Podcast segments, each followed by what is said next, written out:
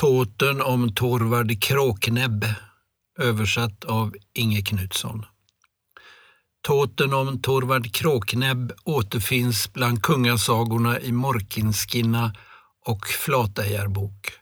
Översättningen bygger på Morkinskinna. Torvard söker sig till kungens hird och vet att föra sig väl.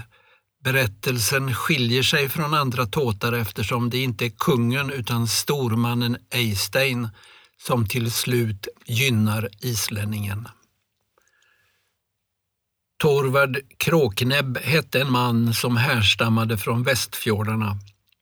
Han var en rik och godsint man. Han reste från det ena landet till det andra och blev mycket uppskattad vart han än kom. En sommar seglade han sitt skepp norrut till Nidaros. Kung Harald uppehöll sig i staden tillsammans med sin svåger Eystein Orre, son till Torberg Arnason. Eystein var den tappraste av män och värderades högt av kungen. Torvard lastade ur sitt skepp och hyrde sig en bod. Efter det gick han till kung Harald som satt vid dryckesbordet. När han kom dit befann sig kungen utanför salen. När kungen vände sig om för att gå in igen sa Torvard. Var hälsad herre, jag har ett segel nere på mitt skepp som jag skulle vilja att du tog emot som gåva. Kungen blev allvarlig och sa, en gång fick jag ett segel av er islänningar och då var det nära att jag kom till skada.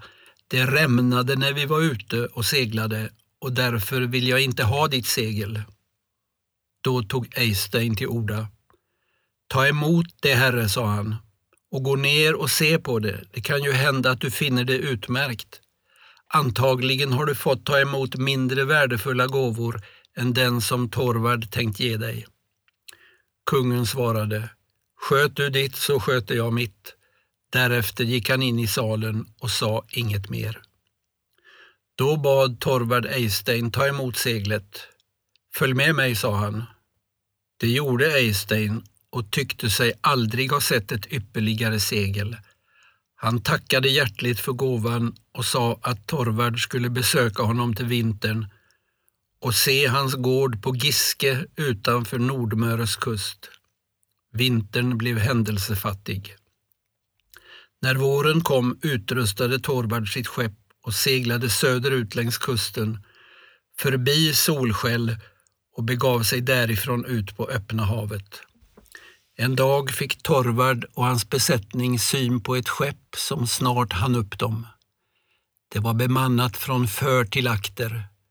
I fören stod en stor och ståtlig man klädd i scharlakansröd kappa. Han frågade om Torvard fanns ombord. Torvard svarade ja och hälsade hjärtligt på Eystein. Eystein sa du har dröjt med att besöka mig, men stig nu ombord på mitt skepp med så många av dina män som du vill ha med dig. Det är ju ändå ingen segelvind. Torvard gjorde så och tog med sig några män och de rodde till ön Giske. Där rådde en glad stämning och man höll gille för dem. Husen var stora och rymliga. När kvällen och natten hade gått och dagen började gry vaknade Torvard och såg att Eystein redan var på benen. Eystein sa, det är ingen segelvind nu heller. Stanna hos oss idag och låt mig förutsäga väderleken och ni kommer inte att gå miste om någon förlig vind. Och på dagen när de drack och var glada sa Eystein, för att du följde med mig från ditt segelklara skepp och besökte mig i mitt hem så ber jag dig att ta emot den här kappan. Kappan var försedd med prydnadsband och tillskuren av nytt scharlakan. Torvard tackade honom för gåvan. Eystein sa, det räcker ändå inte som gengåva för seglet. De tillbringade dagen i lugn och ro och god dryck saknades inte. Följande morgon sa Eystein till Torvard.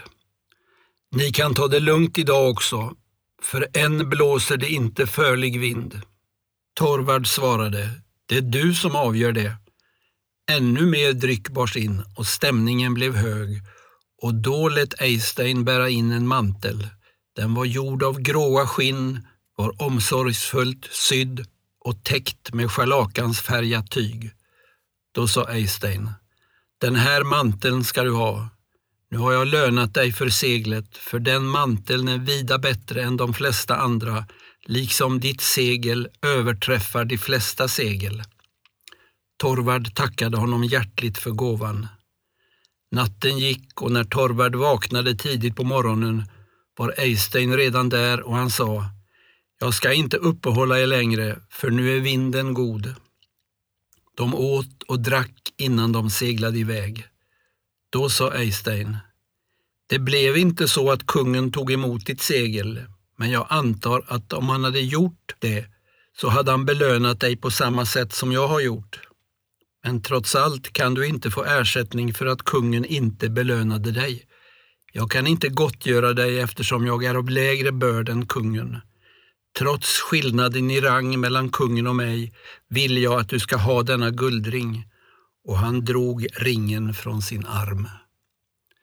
Torvard tackade honom för ringen och begav sig därefter till sitt skepp.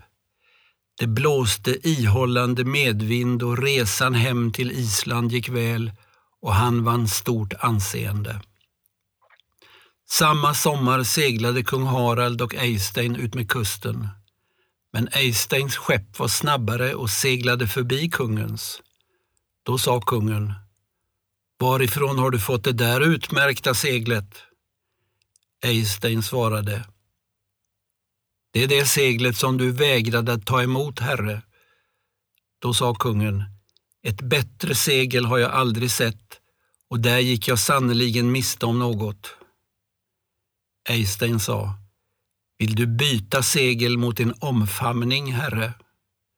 Kungen log och svarade, varför inte? Därefter gick han och ställde sig vid masten. Då sa Eystein, gör dig inte till åtlöje, ta vilket segel du vill ha. Det viktigaste är att du vet vad du vägrade att ta emot. Kungen tackade honom och använde sedan seglet på sitt skepp. Men det lämpade sig inte för kungens skepp vid kappseglingar eftersom det var mycket stort. Ändå ansågs detta segel vara av yppersta slag.